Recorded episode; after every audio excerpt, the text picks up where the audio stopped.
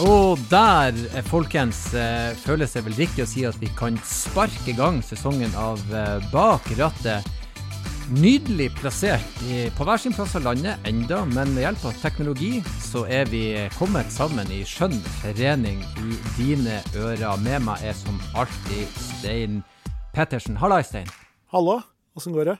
Du, det går, eh, det går nydelig. Eh, denne podkasten har jeg sett eh, veldig frem til. Vi har jo en, en spektakulær gjest i dag som jeg tror veldig mange egentlig har etterlyst at vi skulle få på plass i stolen. Og det er du, faktisk. Ja, jeg hører du sier det, så jeg får bare prøve å svare så godt jeg kan, da. Jeg klarer i hvert fall å gjette riktig bil i dag. ja, men spørsmålet er, gjør du nå det? For du har jo Faen meg Det er jo ingen som vet hvor mange kjøretøy Du, du bruker å si et sted imellom. Hvor Ja. mange biler har Stein Pettersen? Jeg skal sørge for at kona di ikke hører denne episoden. Et sted mellom seks og ti biler, pleier jeg å si. Det er en sånn grei, eh, en sånn grei måleenhet for hvor mange biler. Og så er det, at, eh, så er det sånn at hvis du vet hvor mange biler du har, da har du ikke mange nok. Det er egentlig en slags eh, klassisk saying. Så det er ikke noe du bare sier, du bare er faktisk ikke helt sikker, du anslår bare. Nei, jeg, jeg vet ganske Jeg har ganske god kontroll på, på de bilene jeg har, altså. Men eh, det er eh, eh, men det er jo ikke alle som trenger å vite om alle biler. Så derfor så må man ha litt sånn eh, Må man ha litt rom å, å flyte i. Ja, for nå begynner du, nå- viser du den siden jeg ville se, fordi at det blir litt sånn som meg i, i klokkeverden. Når folk spør ja, hvor mange klokker har du, så sier jeg nei, jeg har nå noen klokker. Og så er det nok. Trenger ikke å si nøyaktig hva eller hvordan eller hvordan. Det, det får de egentlig bare lure på. Ja, hadde et, vi hadde jo en søndagsmiddag hjemme hvor, eh, hvor, det, hvor det ble litt sånn diskusjon. Og så, og så, så, sa, så sa kona mi at det hadde jo egentlig vært ganske kjekt med en pickup. Hun er veldig sånn glad i å drive i hagen og, og holde på med litt forskjellige ting. Og bygge seg drivhus og, og tenkte at en pickup hadde vært kjekt å ha. Så sier jeg at det, ja ja, sier jeg, da får jeg los med en gang og er nesten på Finn før noen i det hele tatt har, har fått sagt eh, noe som helst. Så, så da ble det litt sånn, og så sa jeg det at uh, ja, nei, men vi kan ha en pickup, det er jo kjempefint. Og så sier hun at eh, ja, men eh, nå har vel vi egentlig flere biler eh, enn vi trenger, så vi, vi, trenger, jo ikke, vi trenger jo ikke en bil til. Og det, så sier jeg men, men vi, vi, har jo, vi har jo en del biler, men det er jo alltid en definisjon på, på hvor mange biler man trenger. Jeg føler jo også at vi trenger en pickup. Eh, Ja, ja. Og da kom spørsmålet opp hvor mange biler vi egentlig hadde, da, ettersom vi hadde flere biler enn vi trenger. Eh, og da så var liksom alle var til stede, det var litt sånn søndagsmiddag. Så tenkte jeg nå kan jeg like gjerne legge alle korta på bordet, på en måte. Ja. Og så er jeg på en måte litt i null, da. Så det ble en slags sånn renselsesprosess eh, hjemme ved, ved søndagsmiddagen på, et, etter kirketid, riktignok. Men da fikk vi liksom alle bilene på bordet. Vi starter på null, og så en slags, eh, en slags enighet om at vi skal diskutere eh, hvis vi skal kjøpe flere biler. Men eh, ja det, Jeg tenker nok at, kan, at det kan bli flere slike søndagsmiddager, da. Jo, jo, men jeg har også et system der jeg kan av og til legge på bordet hvor mange klokker jeg har. Men da, da tolker jeg det som om at OK, men da er eksempel, la oss ta et tall, da er ni greit, da. Så hvis jeg kvitter meg med en, så kan jeg jo kjøpe en til uten at jeg sier fra, for da har jeg ni, det som jeg sa jeg hadde. Nemlig. Og så har jeg også funnet seg Ja, ja. Og så har jeg funnet ut at hun ser jo ikke forskjell på de bilene. Sånn at uh, hvis vi har hvis, hvis vi har Om vi har én eller to Corsair, f.eks., er det jo ingen som kommer til å legge merke til. Å nei, nei. Jeg, jeg kjøpte jo ny motorsykkel for eh, fire-fem dager siden. Det vet jo ikke kona. Hun vet jo at jeg har planer om å gjøre det. Så, så hun blir jo bare å se at Og hvorfor er den grønn, Erlend? Nei, den har uh, Alltid vært grønn, Eller at, hun, nei, eller at hun ikke legger merke til det. Ja, men det er en god, eh, det er, det er en god strategi, altså. Så tenker jeg at jeg Det er mange ting ikke jeg spør om også, så, så det jevner seg litt ut, da. Ja, altså, jeg har ikke spurt henne f.eks. Eh, antall par sko og vesker og sånt. Det tenker jeg det er hennes handlingsrom. Det har ikke jeg noe med. Det får hun styre eh, sjøl. ja, du er en respektfull fyr. Du, men vi må, vi må, inn, eh, vi må inn igjen. Eh, eh, du er jo en, eh, en eh, viktig brikke i podkasten, men du er ikke den som sier så altfor mye. Så det er mange ting jeg lurer på. Og veldig mange av lytterne våre de kjenner jo også til deg, ikke bare fra bak rattet, men også fra Formel 1. Eh, jeg gjør jo òg det. Gjorde jo egentlig det først, hvis da der fra Formel 1. Men kan ikke du si noe om eh, hvordan, hvordan kom du inn i den biten av det? Når begynte du med det? Du, jeg har jo egentlig fulgt med på, på Formel 1 fra Da er vi tilbake på, ja, på 80-tallet, tenker jeg, hvor jeg virkelig liksom begynte å, å følge ordentlig med. Og så eh, traff jeg noen andre som også var eh, veldig interessert, så da starta vi og fant ut at vi skulle reise på Formel 1-løp, da. Men vi hadde jo egentlig ikke noen sånn veldig formening om hvordan det skulle gjøres, så i 93 da leide vi en bil. Eh, tok Kiel-ferja til, eh, til, Kiel, eh, overraskende nok. Eh, og så kjørte vi da ned til Belgia, til Spa, på, på Spa Francorchamps, som er liksom en av disse legendariske Formel 1-banene. Det eneste vi hadde som kartverk på den turen, det var disse her to sidene bakerst i en sånn syvende sans-almanakk. Eh, sånn at vi hadde et slags europakart, så det virket sånn cirka hvilken retning vi skulle. Og så hadde vi printa ut en sånn rutebeskrivelse i ja, i DOS, altså i, i, sånn tekstbasert. Men det, i motsetning til vanlig navigasjon, så er det jo sånn at uh, hvis, du, hvis, du, sitter og kjører etter en sånn rutebeskrivelse da, som var på kanskje 50 ark, og du bommer ett sted, så er du jo fucka. ikke sant? Da, da, da, da har du jo mista det. Så uh, det gikk jo ganske mye på, på lykke og fromme, Men da kom vi ned dit. da, så da reiste jeg Det var første løpet mitt. Det var på, på Spa i, i 93. Så har jeg vært 19 eh, ganger der på, på løp siden da. Mm.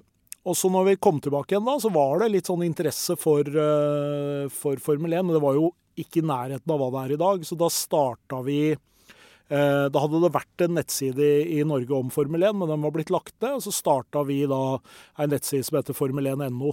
Så da, da, jeg, gjorde jeg det da ved siden av som en slags sånn hobbyprosjekt. Og så etter eh, noen år så, så ble jeg spurt av uh, Anent, eller, eller Viasat, da, om, om, jeg kunne steppe inn litt for Thomas Ski, som var sideprogramlederen til Atle Gulbrandsen den gangen. Og så mm. etter hvert så, så blei det mer, og de siste 12-13 åra, tenker jeg, så har jeg sånn mer eller mindre kommentert alle sesongene, om ikke alle løpene. Da. Vi, er jo, vi er jo en liten redaksjon som, som deler litt på det. Mm. Er det, er det blitt jobb, eller er det enda ren lidenskap?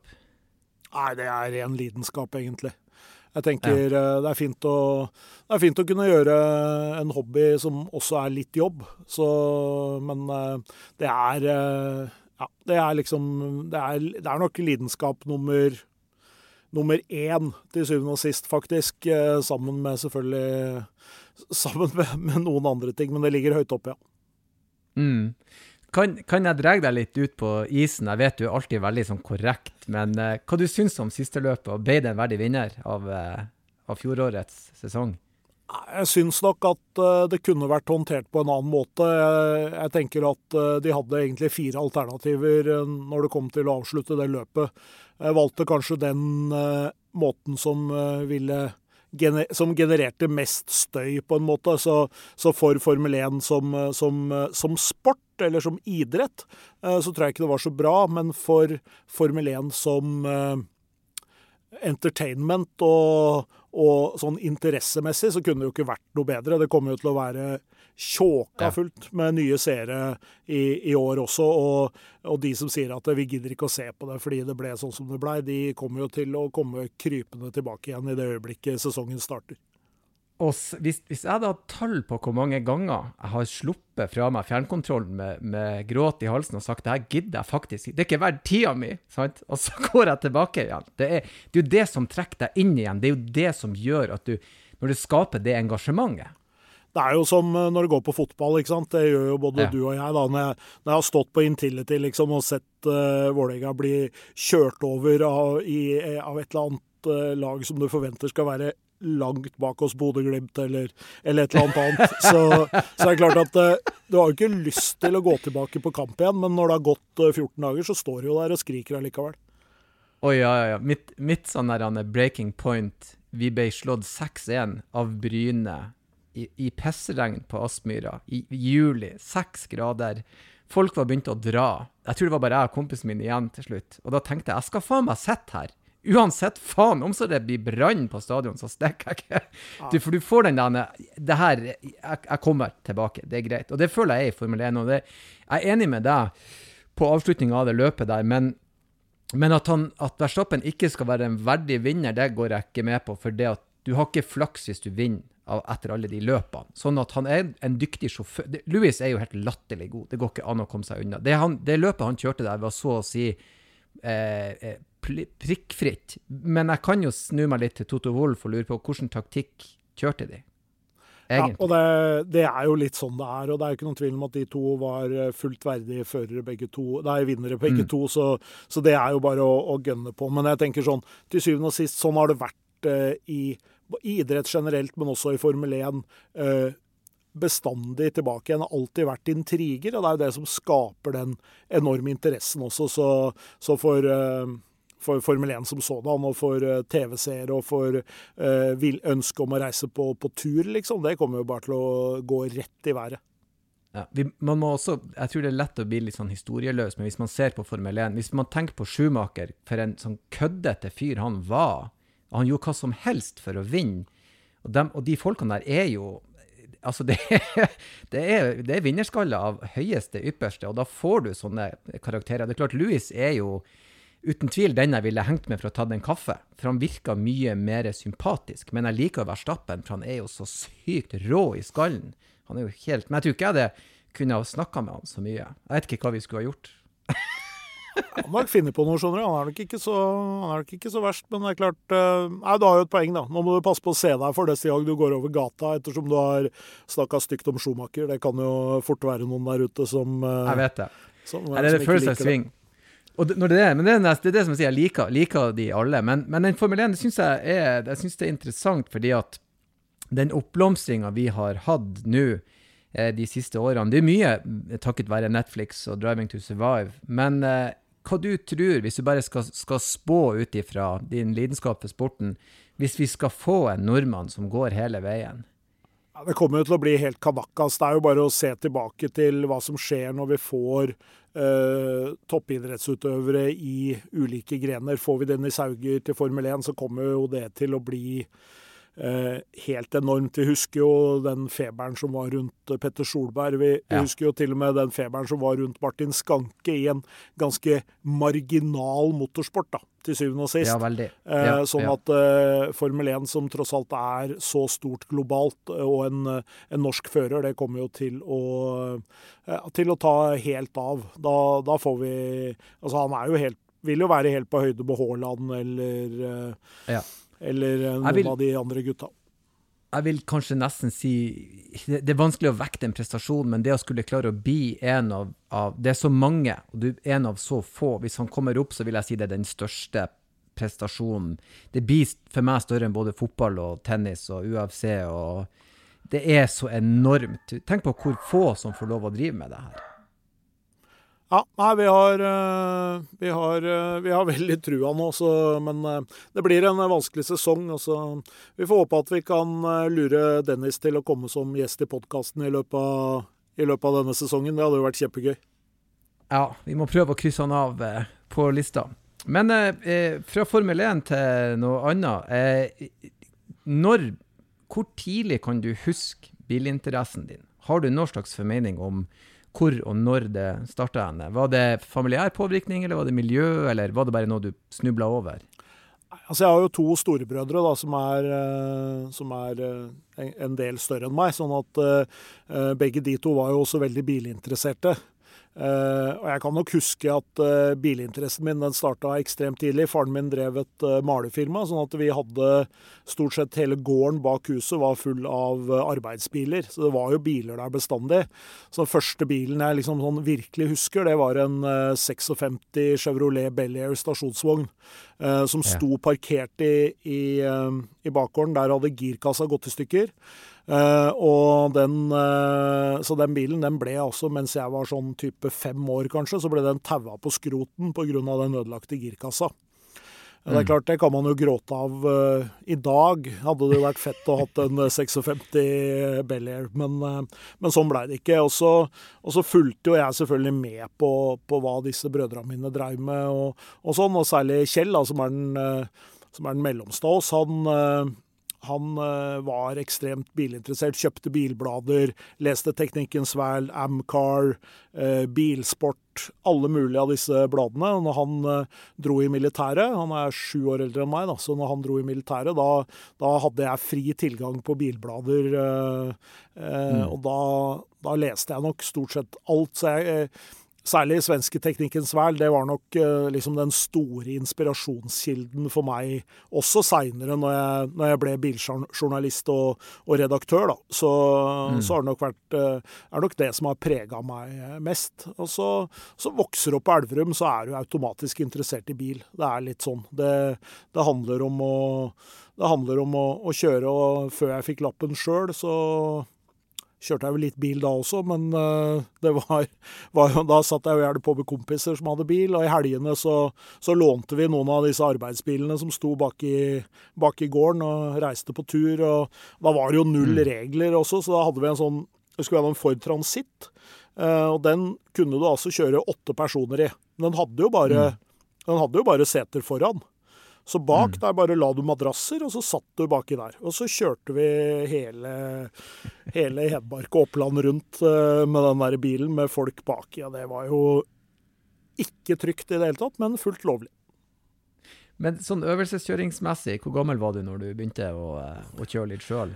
Nei, du vet, jeg var jo en del hjemme alene eh, fordi foreldrene mine reiste på hytta. Eh, og da begynte jeg å øvelseskjøre litt, må jeg si. Eh, kanskje ikke 100% En god del på egen hånd. Eh, noe som førte til at jeg på et tidspunkt eh, Dette er vel foreldet nå, så eh, rulla rundt med en, eh, en bil eh, som jeg hadde lånt.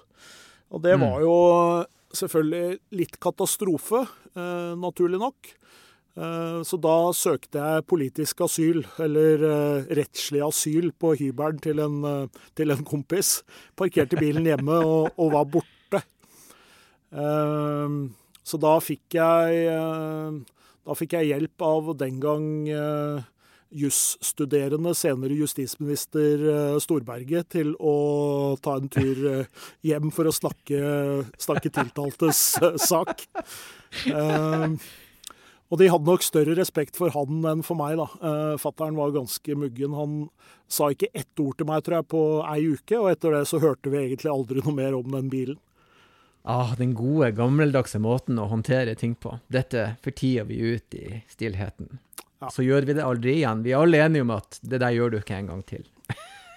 Nei, så, så, da ble det, så ble det øvelseskjøring etter det. Jeg kjørte veldig mye med, med, med faren min da, og han, eh, han jobba jo masse. Eh, så, så han eh, Moren min døde da jeg var 16.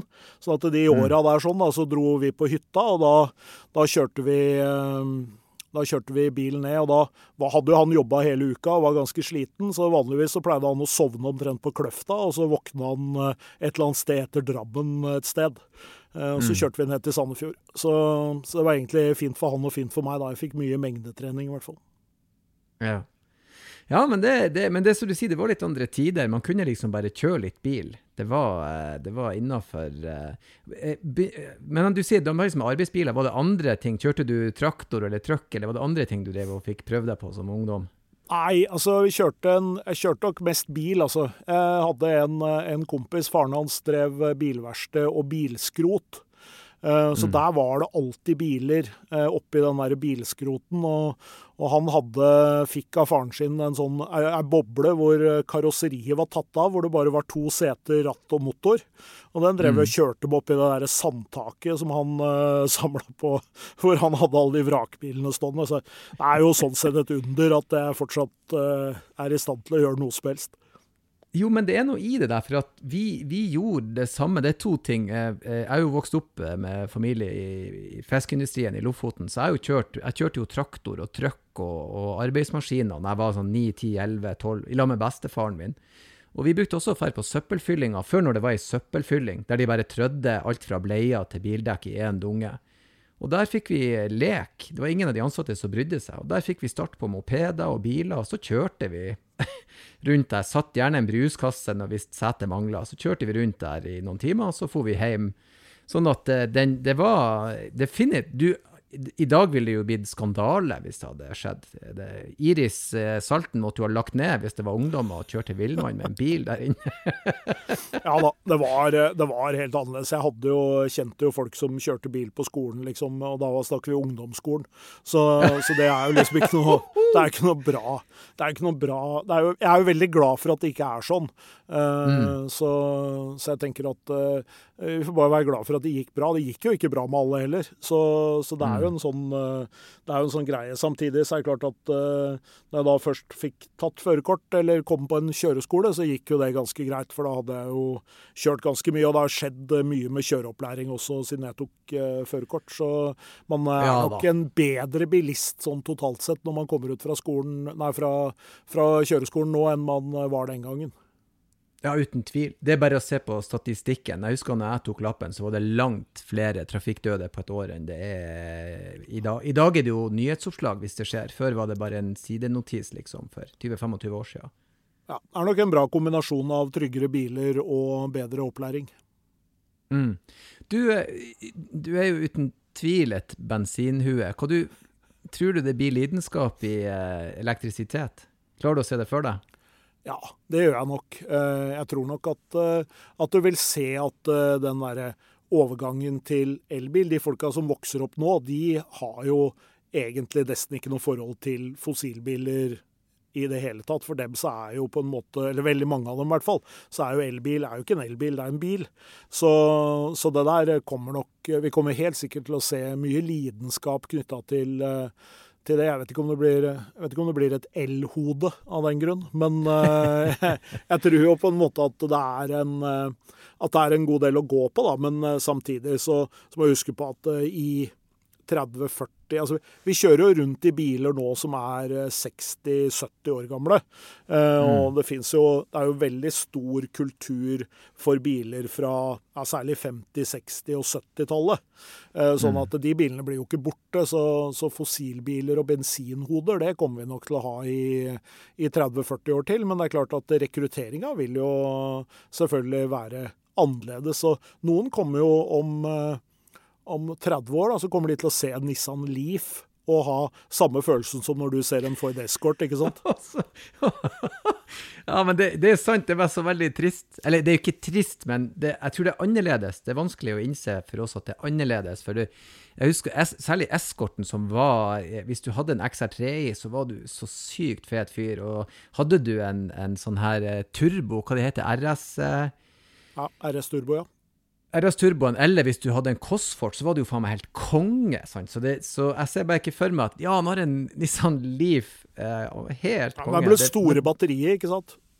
Mm. Det er med 64 kW batteri. Det er jo helt rått. Ja, helt ellevilt. jo da, det er nok bare annerledes. Eh, det, det, er vel ingen grunn til å spørre deg, men jeg regner med at du fikk eh, lappen på dagen?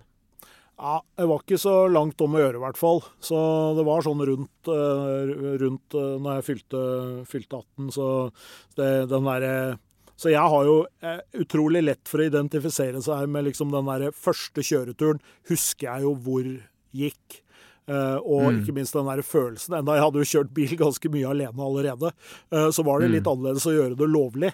Uh, og kunne kjøre over, over, brua og inn til sentrum, det eneste lyskrysset som fantes i Elverum, og, og liksom få den feelingen, da. Så, og så etter det så kjørte vi jo, fortsatte vi å kjøre det som heter Harryrunden på Elverum, da, som, som, nå dessverre er litt ødelagt av byfornying, men som, som var en sånn fast runde. og den vi kjørte den så mange ganger at, uh, at den høyre, for det var jo flest venstresvinger i den runden, så høyre frontdemper på, på den bilen som uh, faren min hadde da, den var helt utslitt. De andre demperne var helt fine, men høy, høyre demper foran, helt ødelagt. Å, for ei tid den råninga var. Det, det, er noe veldig så Jeg kan bli nesten litt sånn nostalgisk av å tenke på det. Jeg, jeg, vi gjorde alltid i bilen. Kjøpte takeaway-pizza for å spise i bilen mens vi kjørte rånerunden. Ja, og det er jo ikke noe altså Hvis du ser på Rådebank eller på noen av de seriene mm. som liksom har tatt for seg det nå, det er jo ikke, ting har jo ikke forandra seg så mye. Folk, eh, altså En del der er jo enda mer dedikerte og lever enda mer av, eh, av livet sitt der. Vi, vi, gjorde jo masse annet og drev med sport og gjorde andre ting. Så, så mm. det er mm. ikke noe tvil om at det, at det er en eh, full mulighet. Men eh, OK, lappen var i boks første bilen som du eide, som enten fikk eller kjøpte, hva det var? Første bilen jeg eide, var en Fiat 127. En sølvgrå som jeg kjøpte på avbetaling for 4000 kroner. Eh, første, jobben, første jobben, jeg hadde, hadde jeg på en, eh, en nærradio som lå på, på Skarnes. Radio Odal. Og og da mm. bodde jeg på en folkehøyskole som, eh, hvor den radioen lå. Og så kjøpte jeg da en bil av en av de som jobba der, på avbetaling. Så jeg tror jeg kanskje jeg betalte husker det var 500 eller 1000 kroner i måneden da, i nedbetaling på den eh, bilen. Det var jo en, et ganske betydelig innhugg i inntekten den gangen. Og den var jo sølvgrå. Eh, ganske godt brukt. Men utrolig kul. Hadde sånne var sikkert pga. rust, så var det malt svart rundt lyktene og sånn, så jeg hadde litt sånn, uh, sånn Phantom Donald-look. Uh, ja. ja. Eller litt sliten, sliten etter fest-look. Litt ettersom. Mm. Mm. Så den bilen var, eh, den bilen var fantastisk. Det, så jeg har jo, har jo, alltid hatt en liten softspot for, for Fiat etter, etter, den bilen. Fordi den var jo helt mm. fantastisk, for den hadde Altså hadde, jeg hadde den bilen i tre-fire måneder før jeg oppdaga at det gikk an å regulere eh, vinkelen på førersetet. Eh, fordi at det viste seg at det, det, fantes en sånn stang under som du kunne løfte opp og så flytte i noen sånne hakk under setet. Mm. Og for mm. at den eh, stanga ikke skulle dette ut av de hakkene, så satt det en gummistrikk på tvers over der. Og denne bilen var jo ganske gammel allerede, sjøl om jeg er gammel, så var den gammel allerede da. Så en sånn 25 år gammel gummi, italiensk gummistrikk. Den er jo ikke ja. akkurat hva den var. Den hadde jo ingen rørt da sikkert på ti år.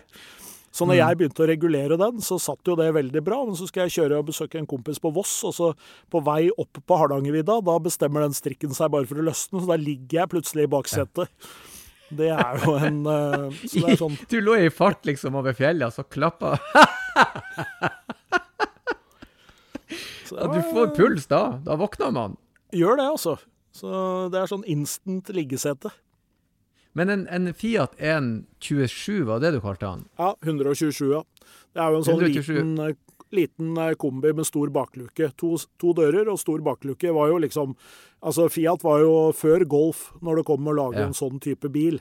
Så helt utrolig fantastisk praktisk bil, vet du, fordi at det er så svær bakluke. Så, så jeg husker jeg bare henta et kjøleskap, f.eks. Det gikk jo inn i den der lille, knøttete bilen. Ja. Men motorstørrelse, snakker vi hot hatchback, eller, eller ja, kanskje 900 ikke? Kubikk. 900 kubikk. Så 47 hester, hvis jeg ikke husker feil. Det kan hende jeg husker feil. Men det, for meg så var det helt, uh, helt ellevilt. Så jeg kosa meg med den bilen. Ja, Hadde, så lenge det er egen bil, så det er ikke så nøye, liksom. Nei, nei. Og så var jeg kjøpte sånn Roadstar uh, stereoanlegg.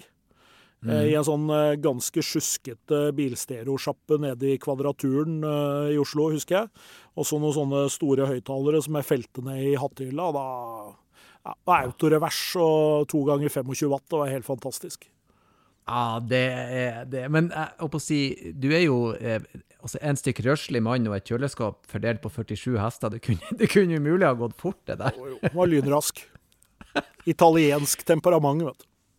Ja, det er rett. det er rett. Men den anlegg, jeg husker også den stereotida. Det å sage ut hattehylla var alltid litt skremmende før man målte opp der. For det skulle prøve å få det å se fint ut, og så var det å felle inn høyttalere. og... Eh, det er jo ingen som gjør det i dag, bortsett fra da, å si, proffe folk. Nei. Det er jo ikke mulig. Nå er det jo så bra stereoanlegg i nye biler òg, så, så, det er jo nesten ikke nødvendig. Men eh, ja. Nei, det var en eh, tid jeg altså, brukte mye tid på å mekke stereoanlegg der noen år. Mm. Det skulle være Men Fiat, det, det, er, det har jeg egentlig aldri spurt deg om. For du har jo hatt veldig mye forskjellige biler. Jeg vet jo at du har Eh, litt tyske biler, litt forskjellig. Men hvor ligger egentlig hjertet? Er du i USA, eller er du i Europa, eller er du i Østen? Også? eller er det, er det, bare bilen i seg sjøl? Du har jo snakka mye om alt fra Mazda RX7 til Porsche til ja, Det er jo alt mulig. Hva, hvor ligger favoritten din? Er det vanskelig å si?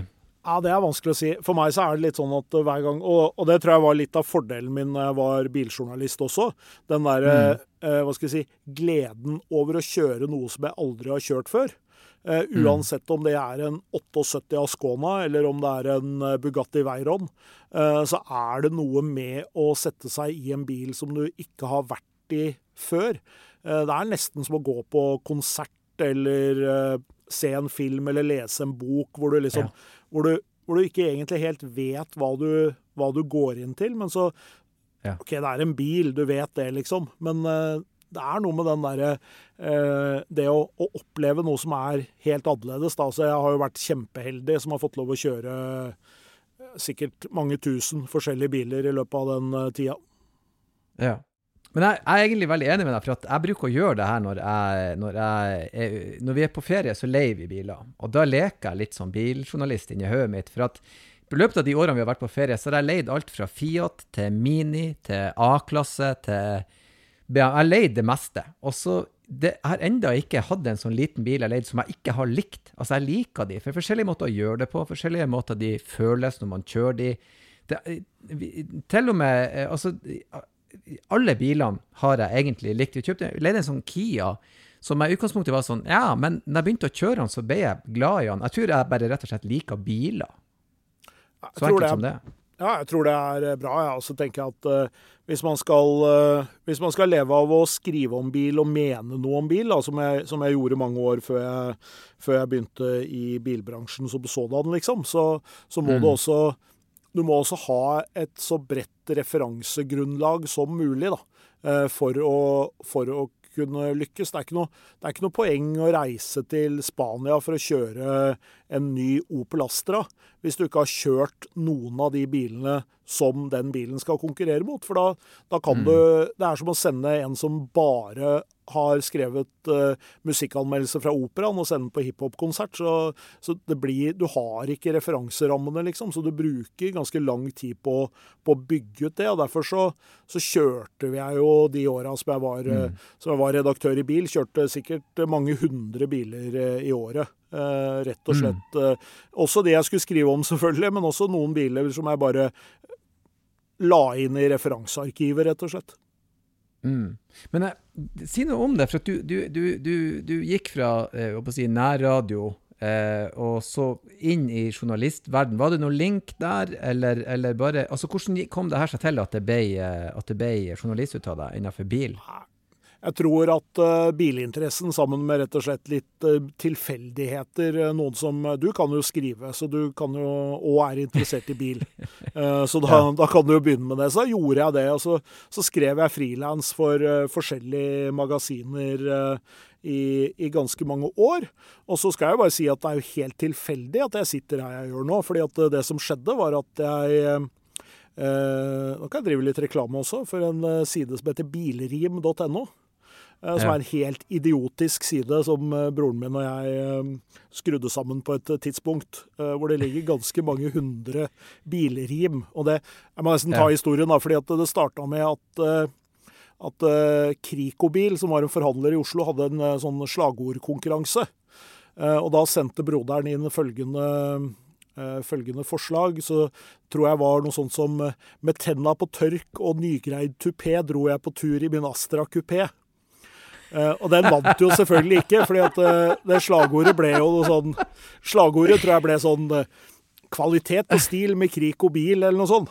ja, da ble vi litt sånn forbanna. ja, ja.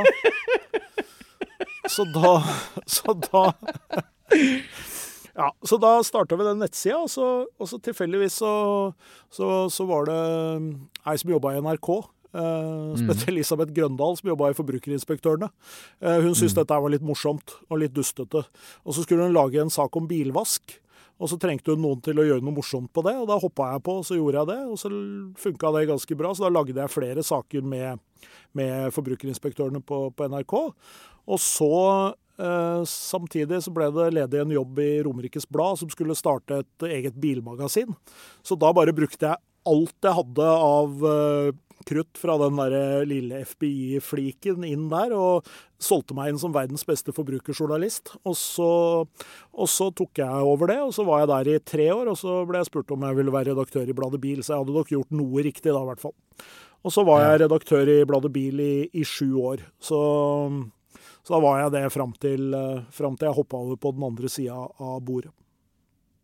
Det er, det er, ganske sånn Det er jo en vel, Ikke for alle, men for veldig mange er jo det der en drøm. Det, jeg hadde jo lenge en drøm om For jeg har jo selvfølgelig sett alt av bilprogrammer som går an å se. Jeg husker jo når, når Autofil kom, hvor kult det var at vi hadde et norskt, eget, litt kult bilprogram selvfølgelig Top Gear og Fifth Gear og liksom alle de her. Og jeg, jo, jeg trodde også, liksom, før jeg begynte med, med standupen, at jeg kunne vært en fyr som kunne kjørt biler og vært litt gøy og snakka litt om det. Men det er ikke enkelt å kile seg inn der. Så det er jo som du sier, det var jo ikke ren flaks. Du må jo ha gjort noe riktig. Ja da, helt sikkert. Eh, men eh, når jeg fikk den muligheten, i hvert fall, da, så, så, var det fantastisk å drive bilblad. Det var jo på en tid hvor, hvor bilblader også var eh, ja greia, på en måte.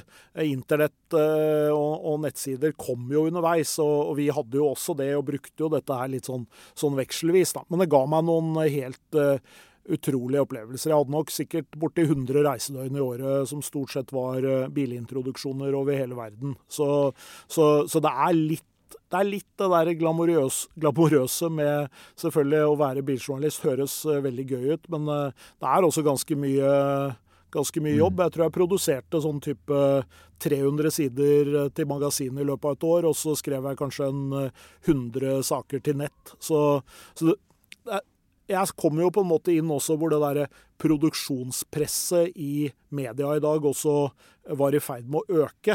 Fordi når jeg var i mm. Romerikes Blad, så, så, hadde de drevet litt med internett og, og, nettavis. Men det var jo liksom først og fremst på papir det skulle gjøres. Og når vi satt i sånn i sånn klubbmøte og snakka om at eh, ja, men vi må nok se for oss at når vi drar på kommunestyremøte, så skal vi både skrive noe til nett og til avis. Så eh, mm. var jo folk helt sjokkert for hvordan i all verden skulle man rekke å gjøre det. Så det der har jo forandra seg 100 da, i løpet av de siste 15 åra.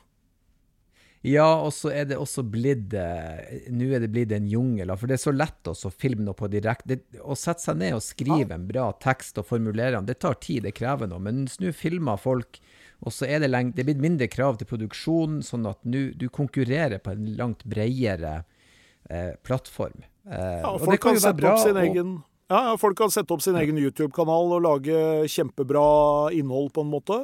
Eh, mm. Så, så det, er med, det, er noe med, at hele det der har forandra seg, da. Men uh, fortsatt så tenker jeg at uh, litt sånn redaktørstyrte ting med, med en, slags, mm. en, slags, plan for hva man skal gjøre gjennom et helt år, er ganske bra når ja. man skal drive ja. med, med, forbrukerjournalistikk. da, Sjøl om biljournalistikk er jo veldig sånn i grensen mellom underholdning og forbrukerjournalistikk. Så det er jo en det er litt sånn vanskelig gate å gå.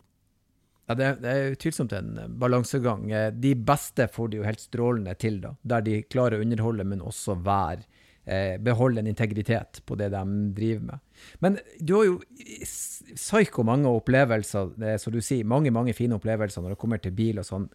Hvilken stikker seg ut? Hva er det du liksom tenker tilbake på? Det var en kul dag med en helt rå opplevelse. Jeg tror faktisk at uh, det jeg tror nesten at den, liksom, den, mest optimale dagen på en måte for meg, da, som kombinerer det der med, med, motorsport og biler og hele den biten her, sånn, det var faktisk et sånn dekkarrangement hvor vi var på, på Portimao, altså denne Formel 1-baden som, eh, som, ligger i Portugal. Eh, mm. Og hvor vi egentlig skulle kjøre vi skulle kjøre dekk. Vi skulle teste ulike former for nye dekk. Eh, mm. Men for å gjøre det, da, så måtte vi kjøre forrige generasjons dekk, en utviklingsversjon av dekket, det nye dekket. Og alt dette måtte vi gjøre med, med noen Porsche 911 på den banen. Eh, mm. Og så var det sånn Du kjørte du kjørte én runde ut, så kjørte du tre raske runder, og så var du inn igjen. Og så bytta du bil, og så var du ut igjen. Så jeg kjørte jo Jeg var jo helt svimmel. Um, og når vi var ferdig med, med det, hadde holdt på med det i, uh, i fire-fem timer, da hadde de liksom lina opp bare sånne performance-biler. Alt fra Ferrari 458 til Lamborghini M. Det var uh, altså BMW M3, M5, AMG. Uh, ja.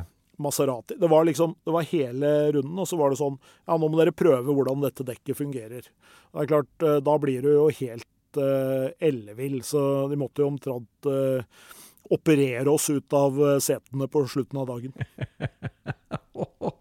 Men en sånn, en sånn Altså, jeg, jeg, tror sånn performance-messig, så jeg har jo ikke eh, Som vanlig mann i gata, jeg tror noe med det vasseste ja, jeg, jeg har kjørt den, både en Vass AMG og en M-serie, men hvordan er det med en, en, en, en, Lamborghini? Er den engang god å kjøre? Er man redd hele tida, eller hvordan er den? Kunne du ha hatt den og kjøpt melk, liksom? Jeg tror at uh, ganske mange av dagens moderne supersportsbiler er, uh, er ganske lettkjørte. Men uh, så mm. skal jeg bare si det at jeg er en en average god bilist. Eh, sånn at eh, når jeg kaster meg ut og kjører på en bane, sjøl om jeg har kjørt mye på bane, så er jo ikke jeg eh, Jeg er jo ikke noen racerfører. Sånn at mm. når du kommer til den type biler som har den type egenskaper, så tenker jeg at der bør man egentlig Der er det fint å overlate enkelte vurderinger også til folk som faktisk vet hvordan sånne biler reelt skal kjøres. Da. Så jeg er jo glad for at ja. det finnes noen av dem, og at jeg kjenner noen av dem også som jeg kan spørre. Ja, jeg jeg tenker på det. Jeg tenker alltid på når vi spurte Atle hvor han plasserer seg på skalaen, og han, og han la seg på sånn average. Og, og, og da vet jeg at alt jeg tenker om meg sjøl, er feil. Men la oss ta den, da, Stein. Hvor du plasserer deg på en skala fra én til ti, og hvorfor? Jeg er nok en åtter. Altså, jeg er, eh, jeg er, veldig god til å kjøre bilen jeg er på mitt beste. Da er jeg helt fremragende superfokusert, eh, ser langt fremover, tenker gjennom trafikksituasjonene. Men så blir jeg også en sånn bilist som sitter og pendler fram og tilbake på jobb, mister oppmerksomheten, hører på radio, Eh, det skjer ting. Eh, mm. Er uoppmerksom, og da er jeg nok nede på en femmer, liksom, før du vet ordet av det. Og så er mm. jeg liksom oppe og nikker på sånn åtte åtte og en halv, ni, liksom, når jeg er på, på det aller skarpeste. Men det er en eh, vanskelig vurdering, det der, altså. Road rage, da. Jeg har jo aldri sett deg gjøre noe annet enn å smile det året jeg har kjent deg. Eh, kan du rage? Ja da, jeg er det. Det er enkelte som hevder at jeg burde hatt en sånn megafon på taket på bilen, sånn at jeg kunne irettesette irettesette Gjør du det seriøst? Er du han fyren? det, er mye, det er mye irettesetting, men det er mest fra inni bilen. Og så, det, og så vet jeg jo sjøl at jeg kunne fort komme til å gjort akkurat det samme sjøl. Så, så jeg, det, det, er jo en viss eh, selvinnsikt i bånn der, men det er veldig sjelden jeg blir sånn helt genuint rasende, rett og slett. Det, det har jeg slutta med. Men eh, jeg har nok vært der, ja. Mm. Ja, nei, men det er godt å høre. Det er godt å høre. Du har jo motorsykkel. Når kjørte du opp? Hva som fikk deg til å gjøre det? Jeg tok lappen for eh, kanskje ja, det er nesten 20 år siden, eller noe sånt. da. Jeg hadde litt sånn, alltid hatt lyst på motorsykkel, så når jeg var, tenkte at jeg skal i hvert fall ikke ta lappen før jeg er 20, så når jeg ble 20, så tenkte jeg at jeg skal i hvert fall ikke ta før jeg er 25. Så når jeg ble 25, så var det litt sånn Jeg tror det er greit å vente til jeg er 30. Så jeg var vel sånn rundt uh, de tidene der, sånn rett før jeg fylte 30, så tok jeg motorsykkellappen. Nå har jeg ikke noe, jeg ikke noe egen motorsykkel, men jeg har heldigvis uh, en veldig god venn som har en motorsykkel. Så det, det går nesten ut på ett. Og så og så syns jeg det er gøy, men jeg, jeg, innser at jeg er mye flinkere til å kjøre bil enn å kjøre motorsykkel. Så hvis jeg først mm. skal ut og liksom leke, så er det mye bedre å ta en, en bil enn en eh, motorsykkel. Det her var faktisk noe som jeg ikke visste, men du tipsa meg. Det ligger masse snasende instruksjonsvideoer ute med Stein Pettersen som instruktør på motorsykkel, annet. Hvor, hvordan kom de her eh, frem? hva folk kan google for å finne det. Jeg syns jo du var veldig Nei, flink. Jeg, ble, for jeg tenkte sånn her, blir det her kleint? Men det ble det ikke. Jeg syns du var veldig flink. Nei, det er vel noen reklamefilmer for et uh, finansieringsselskap, tror jeg. Så det er fordi vi har samarbeida. Ja, vi starta med bil, Vi starta med bil, og så, og så syntes de at det funka så bra, så da blei det noen eh, motorsykkelvideoer også. Så, så, for den som lurer på hvordan man kjøper eller selger motorsykkel, så, så kan man uh, søke etter det, og så, så finner man uh, noen, noen, videoer. Ja, man gjør det. Jeg, syns du gjør det på uh, skjermen. Jeg har også sett deg i Opel-reklame, uh, den håndballreklamen. Og det, det er jo stein, tenkte jeg. Jeg satt der fremfor TV-en, og så er du jo så Du sier jo ingenting. By the way, jeg blir jo være på TV fremover. Det sa du ingenting om. Jeg bare Oi, så beskjeden. Linselus. Lurer seg med. Nei, men det er, det er bra. Det er bra. Er det ryddig i bilen din? Hvis jeg kommer og sjekker en gitt dag, hvordan ser han ut? Ja, min bil er ryddig. Eh, det betyr ikke at eh, familiens bil er ryddig allikevel, nødvendigvis. Eh, vi befinner oss nemlig på to forskjellige Det er jo boden til, til Elisabeth, den, den, bilen. Så jeg tar den innimellom i ny og ne. Men jeg kjører jo ikke den bilen allikevel, så det er ikke så farlig. Men min bil er stort sett ganske ryddig og ren. Men det har jo også noe med at jeg bytter bil fordi jeg jo jobber med flere merker. Så kjører jeg ofte litt forskjellige biler i løpet av uka, så, så jeg rekker kanskje mm. aldri helt å bo meg inn. da. Mm, mm. Vi, vi, bruker jo å spørre gjestene våre, så jeg tror det her kanskje er et spørsmål som er vanskelig for deg å besvare. Men drø drømmebilen, du kjenner jo scenarioet. Eh, Euro-jackpoten klapper inn, og rundt 900 millioner på bok til eh, unge lovende Stein Pettersen på klar. Hvordan du, Altså, du kan få tre. Hvilke altså, tre biler fyller du garasjen med? Det hadde blitt verdens rareste garasje, og det hadde ikke blitt bare tre biler. du, For jeg hadde jo allerede hatt en sju-åtte biler fra før. Eh, så, og, og, jeg er nok ikke den som går rundt og drømmer om en sånn supersportsbil til, seks til 6 millioner.